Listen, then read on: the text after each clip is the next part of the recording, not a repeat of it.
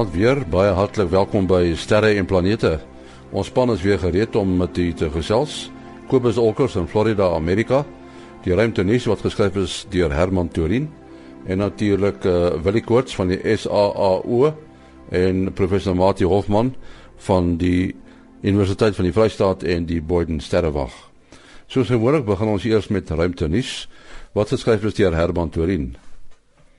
Die Suid-Afrikaanse Ruimteagentskap staan NASA ook by met die LADI-sending na die maan.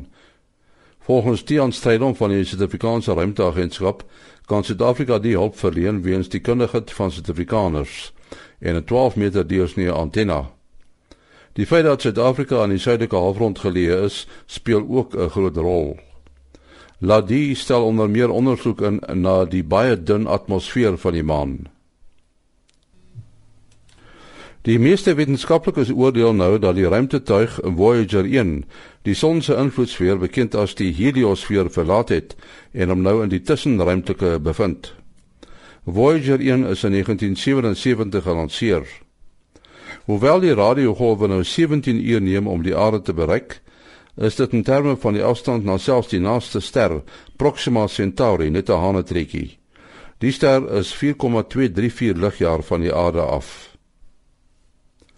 Ruimtetegnologie is ingespan om 'n groot ondergrondse meer in 'n barre en armoedige deel van Kenia te vind.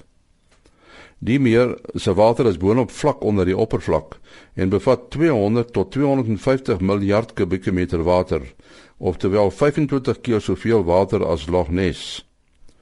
Dit word weer teen 'n tempo van 3,4 miljard kubieke meter per jaar aangevul. Die owerheid van Kenia en UNESCO het saam met die firma Radar Technologies International gekyk of hulle nie water in die warm droë streek kan vind nie. Hulle het deur die WATEX tegnologie die gebied gevind en in kaart gebring. WATEX kombineer satelliettegnologie, radarbeelde en geografiese en klimatologiese data om te bepaal wat onder die grond kan wees. Die tegnologie is oorspronklik gebruik om minerale te soek, maar word al hoe meer ingespan om waterbronne te soek. Tot sover hem tennis wat geskryf is deur Herman Turin. En nou praat ons weer met Kobus Olkers in Florida, Amerika. En uh, ons praat oor die gedrag van die son. Kobus, dit is hoor wat maak die son? Goeienaand Annie. Ehm um, die son is vreeslik stil op die oomblik. Hy is besig met die laagste aktiwiteit wat ek nou in 'n baie lang tyd gesien het. Wat maar dit is nou wat magnetiese aktiwiteit aanbetref, met ander woorde aktiewe areas wat kan vakkels maak, hier's baie stil.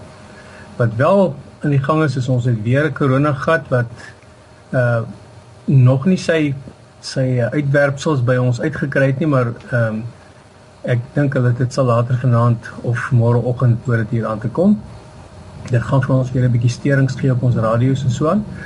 Ehm um, dan is daar ten minste twee massiewe ehm uh, filamente. Die goed loop letterlik die ene loop letterlik van die suidpool van die son met so slap draai tot amper by die noordpool. So hy is vreeslik baie kilometers lank en daar's natuurlik baie energie en as die ding sou platval of sou opstyg dan kan ons die ekwivalent van 'n van 'n fakkel uh, kry wat na ons ons kan toe kom. Hierdie goed is baie onvoorspelbaar. So mense kan nie sê of hy gaan platval en dan noem maak hy wat ons noem 'n hyder fakkel, hyder flare in Engels. Of as hy opstyg dan maak hy 'n gewone fakkel wat dan uh vir ons 'n ekwivalent van 'n koronamassa uitbarsting kan wees. So wat wat wat, wat is die verskil tussen 'n fakkel en 'n filament? Ehm um, 'n filament is amper soos die uh soos die tektoniese plate van die aarde waar een plaat teen die ander een druk dan dan kry jy ons uh, vulkaniese aktiwiteit en die soort van ding. Op die son kry jy ehm um, magnetiese plate of die ekwivalent van magnetiese plate en waar uh die suidpool en die noordpool van van die makroveld bymekaar kom. Ehm um, druk druk hy die plasma van die son op en hy maak amper iets wat lyk soos lyk soos 'n bergreeks. As ons kyk na die son in ehm um, in die helium uh spektrum gebied, dan lyk dit letterlik soos 'n klomp berge wat op die son staan en hierdie een filament is nou 'n massiewe groot berg van uh gelaaide plasma op die son wat opgedruk word en hy's aan die een kant noord en aan die ander kant suid en hy's baie onstabiel. En dan die oomblik wat die wat daar enige verstoring plaasvind, dan dan kry mens die ekwivalent van 'n aardbewing op die aarde. Uh dit is wanneer die tektoniese plate 'n bietjie skuif en op die son wanneer dit goed uh effens beweeg teenoor mekaar dan dan kan so 'n filament wat nou lyk soos 'n berg of uh die lug ingeskiet word. Dit is dan 'n opstygende filament of dit val plat en dan noem ons dit 'n hydervakkel. Uh om jou vraag dan verder te antwoord is uh 'n fakkel is normaalweg uh dit kom van 'n magneties baie aktiewe gebied op die son af. Ehm um, waar jy noordpole en suidpole gewoonlik twee of drie van hulle bymekaar kry wat wat vreeslik styf teen mekaar druk en dan forceer hulle op in 'n baie klein area forceer hulle of 'n relatief klein area forceer hulle die magnetiese uh, gelaaide plasma in die in die lug in. Dit maak gewoonlik 'n ding wat lyk soos 'n lus. Ons ons noem dit 'n uh, uh, wanneer hy dan breek, noem ons dit 'n koronamassa uitbarsting. So 'n uh, fakkel is gewoonlik van 'n baie klein area van filamente se massiewe groot ding wat uh, gewoonlik omtrent die grootte van die helfte van die halfrond van die son is. En uh dis nou moeilik om te voorspel wat hierdie filamente hierdie grootte sal doen, hè. Ja, ja, want hulle is byvoorbeeld ons het ons het ehm um, vroeg in die in die jare het ons een gesien wat byvoorbeeld 'n komeet het aangekom op die son. Uh nou komete gaan mos gewoonlik rondom die son, maar partykeer dan dan is hulle energie so bietjie laag of hulle is te naby aan die son geteken. En een van die komete het het 'n uh, impak gemaak op die son naby naby so 'n filament en die filament het met 'n massiewe klomp energie opgestyg en hy het 'n hele klomp moeilikheid hier, hier by ons veroorsaak as gevolg van die energie wat vrygelaat is. Kom as jy besonderhede as mense met jou wil kontak maak?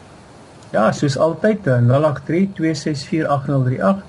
0832648038 en soos gewoonlik ook net SMS alleen asseblief. Baie dankie Kobus Olkers daar in Florida in Amerika. Ja, ons het weer ons span by ons en dit is uh, Willie Koorts van die SAAO en uh, professor Mati Hofman van die Universiteit van die Vrystaat in die Boyden Sterrewag. Ons het uh, uh, Mati so ruk gelede gesels oor die komeet Ison uh die komeet Ison wat uh, nog in aantog is, dis 'n sogenaamde nuwe komeet en uh, daar is gesê dat dit nou die komeet van die eeu gaan wees of dit gaan 'n taamlike skouspelagtige komeet wees. Uh miskien uh, voor ons nou 'n bietjie praat oor Ison, uh, sê net wat presies is 'n komeet uh vergeleke met 'n uh, planeet byvoorbeeld?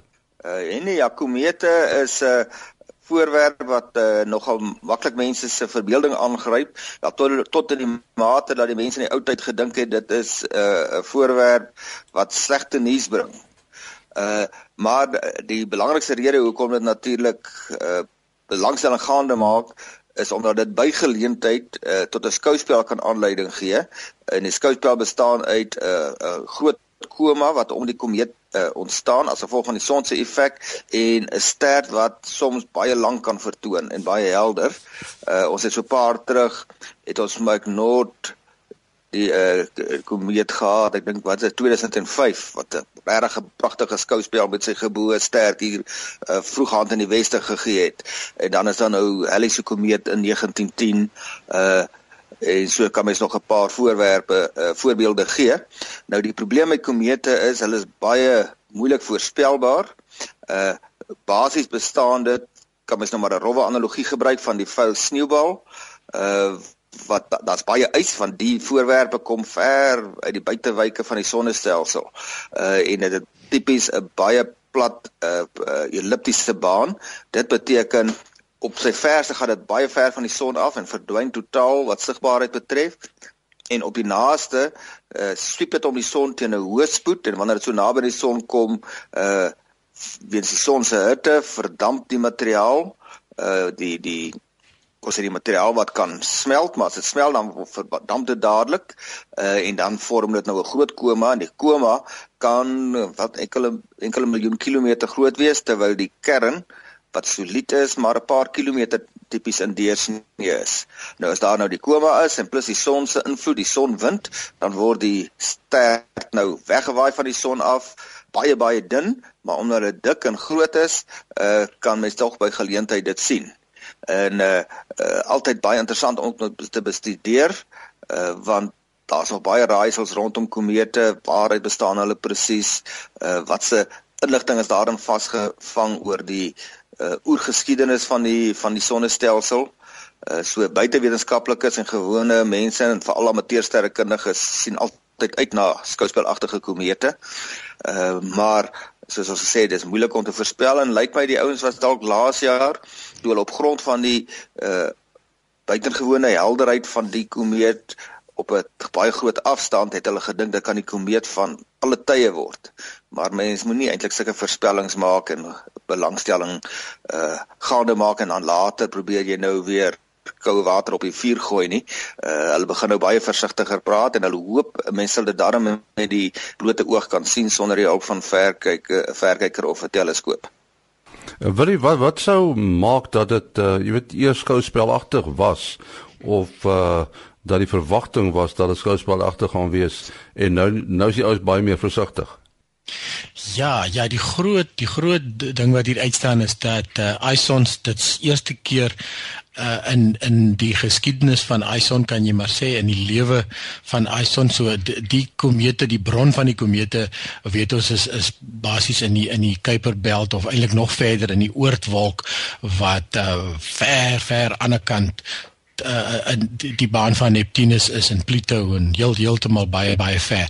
En uh so terwyl die uh, komete dan in hierdie diep ruim uh, beweeg, is dit natuurlik ongelooflik koud daarso en en die gasse word en die en die ons is baie nog genoem van die van die sny vuil 'n sneeubal uh voorbeeld of uh, is die gasse en en en veral ja, veral die gasse en en die en die vaste stowwe daar is alles netjies vasgevries en dit is ongelooflik koud daar buite. So die eerste keer wanneer so 'n 'n komeet dan naby die son kom, uh, word dan netlik aan die hitte van die son blootgestel. So uh, die eerste uitbarstings en die en die eerste keer toe Ison ontdek het wat uh, ontdek is was dit eintlik baie ver van die son af en gewoonlik uh, die komete wat ons ken op daardie afstand uh, is skaars sigbaar.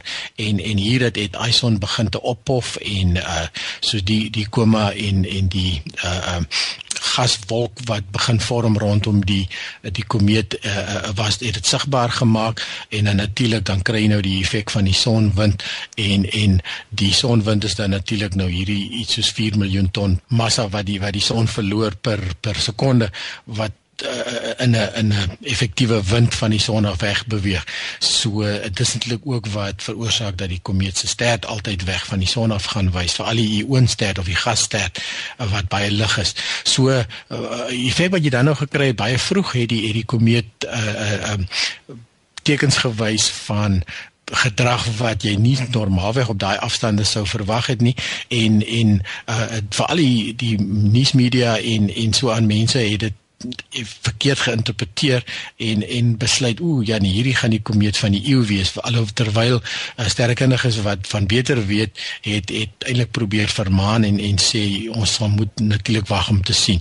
So die die gasse het nou basies begin af afkook en uh, en nou is, is daai eerste gasse al weg en en nou die tempo van van uh, verheldering is is nou soort van agter met met 'n model as jy dit nou sou sou vergelyk. So uh, die natuurlik die ander ding van die komeet en uh, weer eens daar is komete in die in die verlede gewees wat dit wel gedoen het. Ehm um, um, ons die een een van hulle was was nou onlangs 'n uh, um, Lovejoy was nou 2 3 jaar terug ons ons Kersies komeet gewees. Uh, wat 'n komeet wat baie baie na aan die son verby beweeg het en dit oorleef het. Nou ehm um, uh, Ison gaan gaan minder as 1 sonradius van die son verby beweeg. Wat wat beteken die komeet gaan men yster kan smelt op daai afstand. Uh uh in in uh, om nou nie eers te dink aan ys nie. So die die as die komeet natuurlik hierdie omwenteling om die son uh, oorleef, uh, kan ons 'n uh, uh, uh, ongelooflike uh, skouspel kry of die komeet kan eintlik heeltemal verbrokkel en dit het ook al gebeur. So die die voorspelling weer eens soos ons sê is eintlik ongelooflik moeilik en 'n mens moet jou nie laat mislei vir al die internet nie. Willie, ek sit nou wonder as 'n komeet nou deur die son opgebreek word, is dit gewoonlik heeltemal 'n verbrokkeling of kan dit dalk wees dat uh, 2 of 3 komete naby naby mekaar weer hulle verskyning agter die son maak. Ja, Daar's dit amper iets soos soos die uh um komet Shoemaker-Levy wat rondom wat deur Jupiter so uitmekaar uitgeruk was destyds.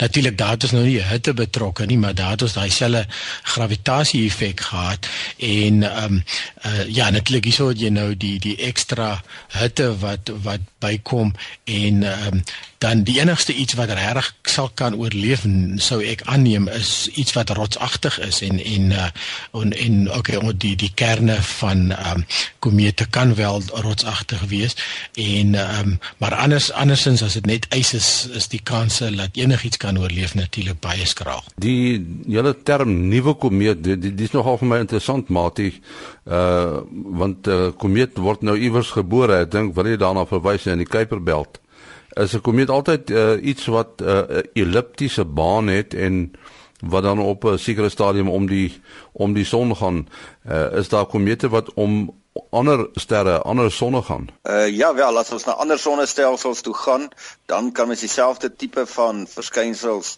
uh, verwag.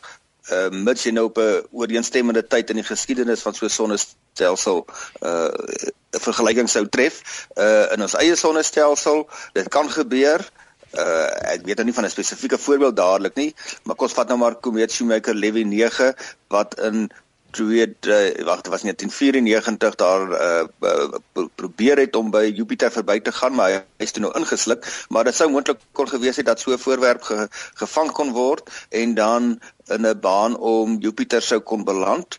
Uh maar ek ek dra nou nie kennis van 'n spesifieke uh, voorbeeld nie. En so 'n voorbeeld voorwerp sou dan nou uiteindelik ook nie meer bekend staan as 'n komeet nie. Dit sal nou maar dan 'n 'n maandjie van daardie uh, plan, uh, planeet word. Uh, maar dit sou vooraf 'n uh, uh, komeet kon gewees het. Soos ons gesê dit is nie uh, groot voorwerpe nie maar 'n paar kilometer in deursnee en maane van van 'n groot planete kan baie groter as dit wees Wil jy deep impact uh, dit wys jou net uh, hoe fragiel 'n mens uh, uh metodes en uh die werktuie is wat wat 'n mens in die ruimte stuur. Deep impact uh, is toe nou 'n uh, tuig wat jy ISO moet bestudeer. Maar nou hoor ek uh, daar's probleme, net jy weet soos alle dinge kry mense probleme in die geval ook. Ja, ja, dit was ook uh, vir my interessant om te sien uh, die laaste kommunikasie uh, wat hulle met diep impact gehad het. Diep impact sal ons onthou het het 'n klompie jaar terug uh so 'n 'n projektiel op op 'n op 'n asteroïde afgevuur en en toe het hulle nou gekyk wat se effek en hoe hard is die ding en al die klaste van goeters en toe uh, is die uh, sending verleng uh met die sogenaamde epoxy uh um sending en die en wat hy nou nog uh, rondom nog 'n komeet gaan vlieg het en baie naby fotos ge, geneem het baie baie uh, ongelooflik jy kan sien hoe hierdie gasse ontsnap van die oppervlak ensovoorts en uh, um, en op hierdie stadium was was uh, dit bedoel om om uh, komeet Ison te, te bekyk. Nou op die oomblik is Ison vir ons nou nog in die um, gloed van die son weggesteek. Dit sal eers hier by November uh, so toevallig in, in, in sal dit eers be begin sigbaar raak in die, in die vroegoggend en en dan natuurlik die 28ste November om die son gaan en en dan weer 'n oggendvoorwerp maar uh die so sending is natuurlik afhanklik van twee goedes die die eerste is die die uh, ruimtetuig moet stabiel gehou word sodat die sonpanele die hele tyd na die son kan rig om die batterye gelei te hou sodat jy kan uh, um, sodat alles kan werk op die op die ruimtetuig. En natuurlik die ander ding is dit moet kan kommunikeer met die aarde uh, om dan uh, opdragte te ontvang ensovoorts so uh, die laaste uh, uh, kommunikasie was die 8ste van verlede maand gewees en dit doen hulle maar nou net terwyl die die die ruimtetuig so onaktief is net so eenmal 'n week uh, maak hulle net 'n oproep en kyk of alles nog reg is. En en toe nou gevind dat hulle kan nie uh, met die die impact uh, kommunikeer nie die die vermoede is dat dat die rekenaarstelsel het basies in 'n infinite boot gegaan. So die die rekenaarstelsel probeer die heeltyd opboot, maar maar ehm um, maar kom nie so ver nie wat natuurlik beteken dat die stabiliseringsstelsels uh, is daarmee heen uh, die uh, tuig is 10 teen 1 besig om te tuimel uh, wat beteken dat die sonpanele uh, wys nie mooi genoeg na die son nie wat uiteindelik sal hulle die krag opgebruik. Ook die antenna kan nie meer presies na die aarde gerig word nie wat natuurlik kommunikasieprobleme. So as tensy daar iets wonderliks gebeur en en hulle kry weer kommunikasie en kan weer gestabiliseer kry, ehm um, is die kanse dat Deep Impact se sending gedoem is is nou redelik groot. Uh, was die sprake nie uh, aanvanklik met met uh, ISON dat net die noordelike halfrond ouens dit gaan sien nie? Die die suidelike halfrond sou wel uh die aantog sien na die son voor voor dit om die son gaan voor sogenaamde perihelion wat nou die die 28ste November is as ek reg onthou. Ehm um, dit dan sou ons wel 'n 'n bietjie van 'n sig gehad het en ons het dit nog steeds en en dit is maar dit ehm um, volgens die mense wat nou die vreeslike voorspellings gaan gewaag het dat dit so helder soos die maan sou kan word en wat ook al was natuurlik alles gebaseer op die op nadat om die om die son beweeg het en in daai geval was die noordelike halfrond in 'n beter posisie. Ja, uh, Mati was vir my interessant is uh, die ou wat nou so gepraat het oor ISON, die ou van Sky en Telescope het het ook jy weet bevestig wat ons baie keer sê by ons aanbiedings en op ons program is dat moenie alles glo wat op die internet is nie. Met ander woorde as jy ouens opgewonde raak oor 'n ding, moet jy baie versigtig wees wie die opgewonde ou is, nê. Nee. Ja, nee, dit is baie waar en nee, en 'n mens moet maar daai daai moeite doen en uh, kyk of jy betroubare bronne kry. Uh as jy nou van uh, Google Scholar ook gebruik maak, dan kom jy al by 'n uh, uh, bietjie meer geselekteerde inligting. Uh gewoonlik gee Wikipedia vir mense uh uh redelike goeie inligting vir 'n beginpunt. Uh en hulle gee ten minste verwysings om verder te gaan lees daaroor. Uh so 'n mens moet nou nog nie vir Wikipedia gaan aanhaal as jy nou 'n baie ernstige artikel wil gaan skryf of 'n uh, uh, wil belangrike aannames maak of voorspellings maak nie, maar dit is darem 'n goeie bron wat betref uh, verdere uh, lees stof wat jy nou dit kan gaan kontroleer en dan is ook gewoonlik kommentaar by as die artikel verbeter moet word. En uh, maar dit het ons daarom nou al baie keer gesien en soos mense weet mense sê graag uh, uh weet uh, sien op TV of soos op radio gehoor ons probeer goeie inligting op die radiostasie gee maar elke mens het 'n verantwoordelikheid om uh uh veral as jy dit nou vir baie mense gaan deel om daarom nuus te help uh, filter. Daardie bekende storie van Mars wat so groot soos die maan gaan word elke Augustus die kry ons in kop uit ons het baie daaroor gepraat. Onthou die internet is nie geredigeer nie. Dit is die belangrike boodskap daar. Ja, ons het uh, toe ehm um, die afgelope naweek ons uh, ons sterre aan by by by die rust gehad en uh, ek dink dit het baie suksesvol afgeloop gelukkig. Uh kon ons daarom kyk uh, Wim Filmalter was daar met sy teleskope wat hy self bou. Man met baie geduld. Wil jy 'n teleskoop probeer bou? Uh ja, en nie nou nie heeltemal van van scratch af soos hulle in goeie Afrikaans sê nie van van reg van die grondbeginsel dit wil sê die die spieël uh het, het ek daarom reeds klaar ges, ge, geslyp gekry maar mense slyp ook hulle eie spieël soos wat ons al reeds genoem het op die program en ons het al uh hierso uh, experts gehad wat dit mooi vir ons verduidelik het. So die uh um, maar na jy optika regheid wat natuurlik eendag die hand die hart is van die teleskoop dan uh, dan dan moet jy maar eintlik net 'n eintlik 'n stelsel hou om die spieëls mooi in posisie te hou en mooi laat jy hulle mooi kan instel. En um, dan kry jy natuurlik verskillende tipe maniere en is jou heel maklikste manier en uh, dit is te, te danke aan 'n aan 'n aan 'n monnik met die naam van John Dobson en ons praat nou van die Dobsonian teleskoop uh, en en hulle het begin met die wat San Francisco Sidewalk uh, Stargazer Society of so iets en en en hulle het regtig uh, dit gedoen deur uh, ek meen hulle het selfs hulle spieëls geslyp uit die bodem van ehm um, weet nie hoeveel gelling uh, glas uh, houers nie seker uh, uh, die ou dae se ses man kan of die Amerikaners ek wil en uh, uh, um, en die ding is werklikheid kassie plankies en en so aan mekaar gesit maar die die die wonderlike van hierdie ontwerp van John Dobson is is dat dit is 'n baie stabiele stelsel uh omdat die steunpunte lê tussen die ehm um, die die waar die massa gedra word. So daar's nie goed wat oorhel wat jy probeer teengewigte en wat die ding on on ondraaglik en moeilik maak nie.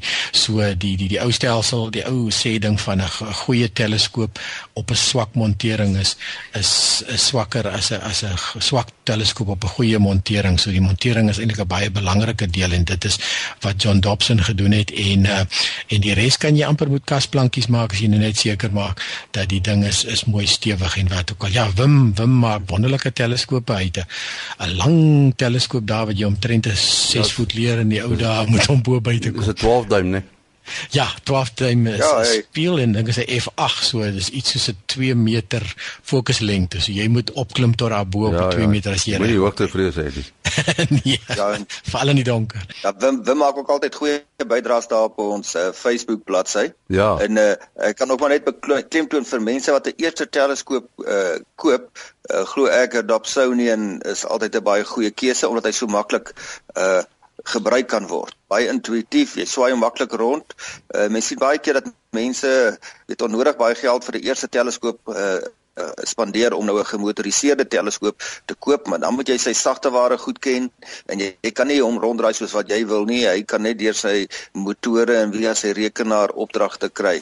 En daar het jy nou 'n groot voordeel van die uh Dobsonian wat mense nogal kan doen net om te wys dat die basiese beginsel van 'n teleskoop is eenvoudig, maar om dit nou tot 'n uh, eh, uitnemende produk om uh, te omskep is nou 'n totaal ander saak. Maar as mense nou sê van hierdie vergrootspieëls gebruik wat jy nou vir uh, skeer kan koop uh, of mense wat nou fyn gemeerwerk of wat ook al wil doen, en jy het verder net 'n uh, uh, vergrootglas, dan kan jy nou die die uh, vergrootspieël as jy objektief beskou uh, soos 'n spieelteleskoop en jy kan gaan kyk waar fokus hy om sy fokuspunt te kry en dan kan jy nou deur die vergrootglas gaan kyk na die fokuspunt en as jy nou mooi te werk gaan dan kry jy die dan kry jy 'n baie primitiewe teleskoop en die res wat jy dan nou moet doen is om dit in te bou in 'n buis sodat jy dit maklik kan rig en baie stabiel kan maak uh, soos wat uh, wil jy verduidelik het. Ek wil ook miskien net byvoeg van die gerekanaliseerde teleskope mense dink as jy gerekanaliseerde teleskope het die sogenaamde go-to teleskope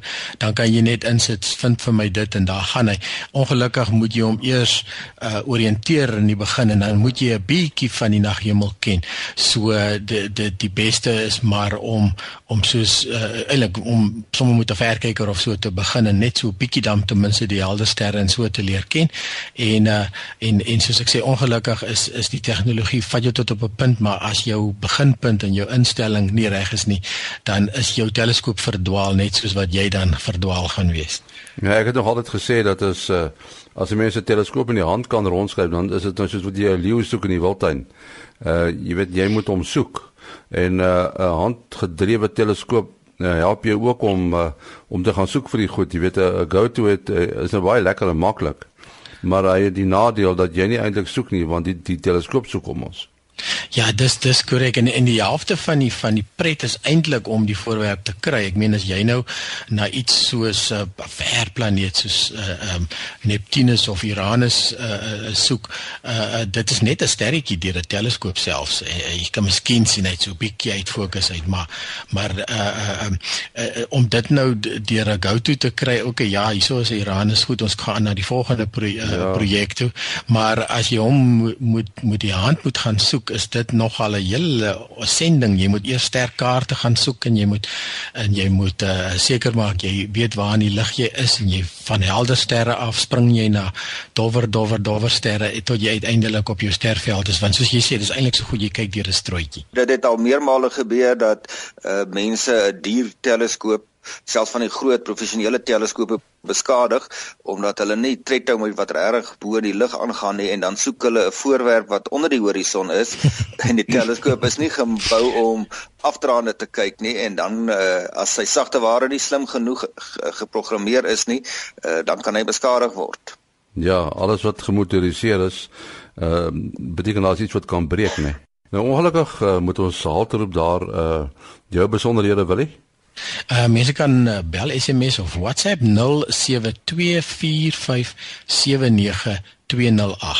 0724579208. Mati? Selfoonnommer 083 6257154. 083 6257154. En my kontakbesonderhede maas.henny@gmail.com maas.henny@gmail.com. Tot 'n volgende keer, mooi loop.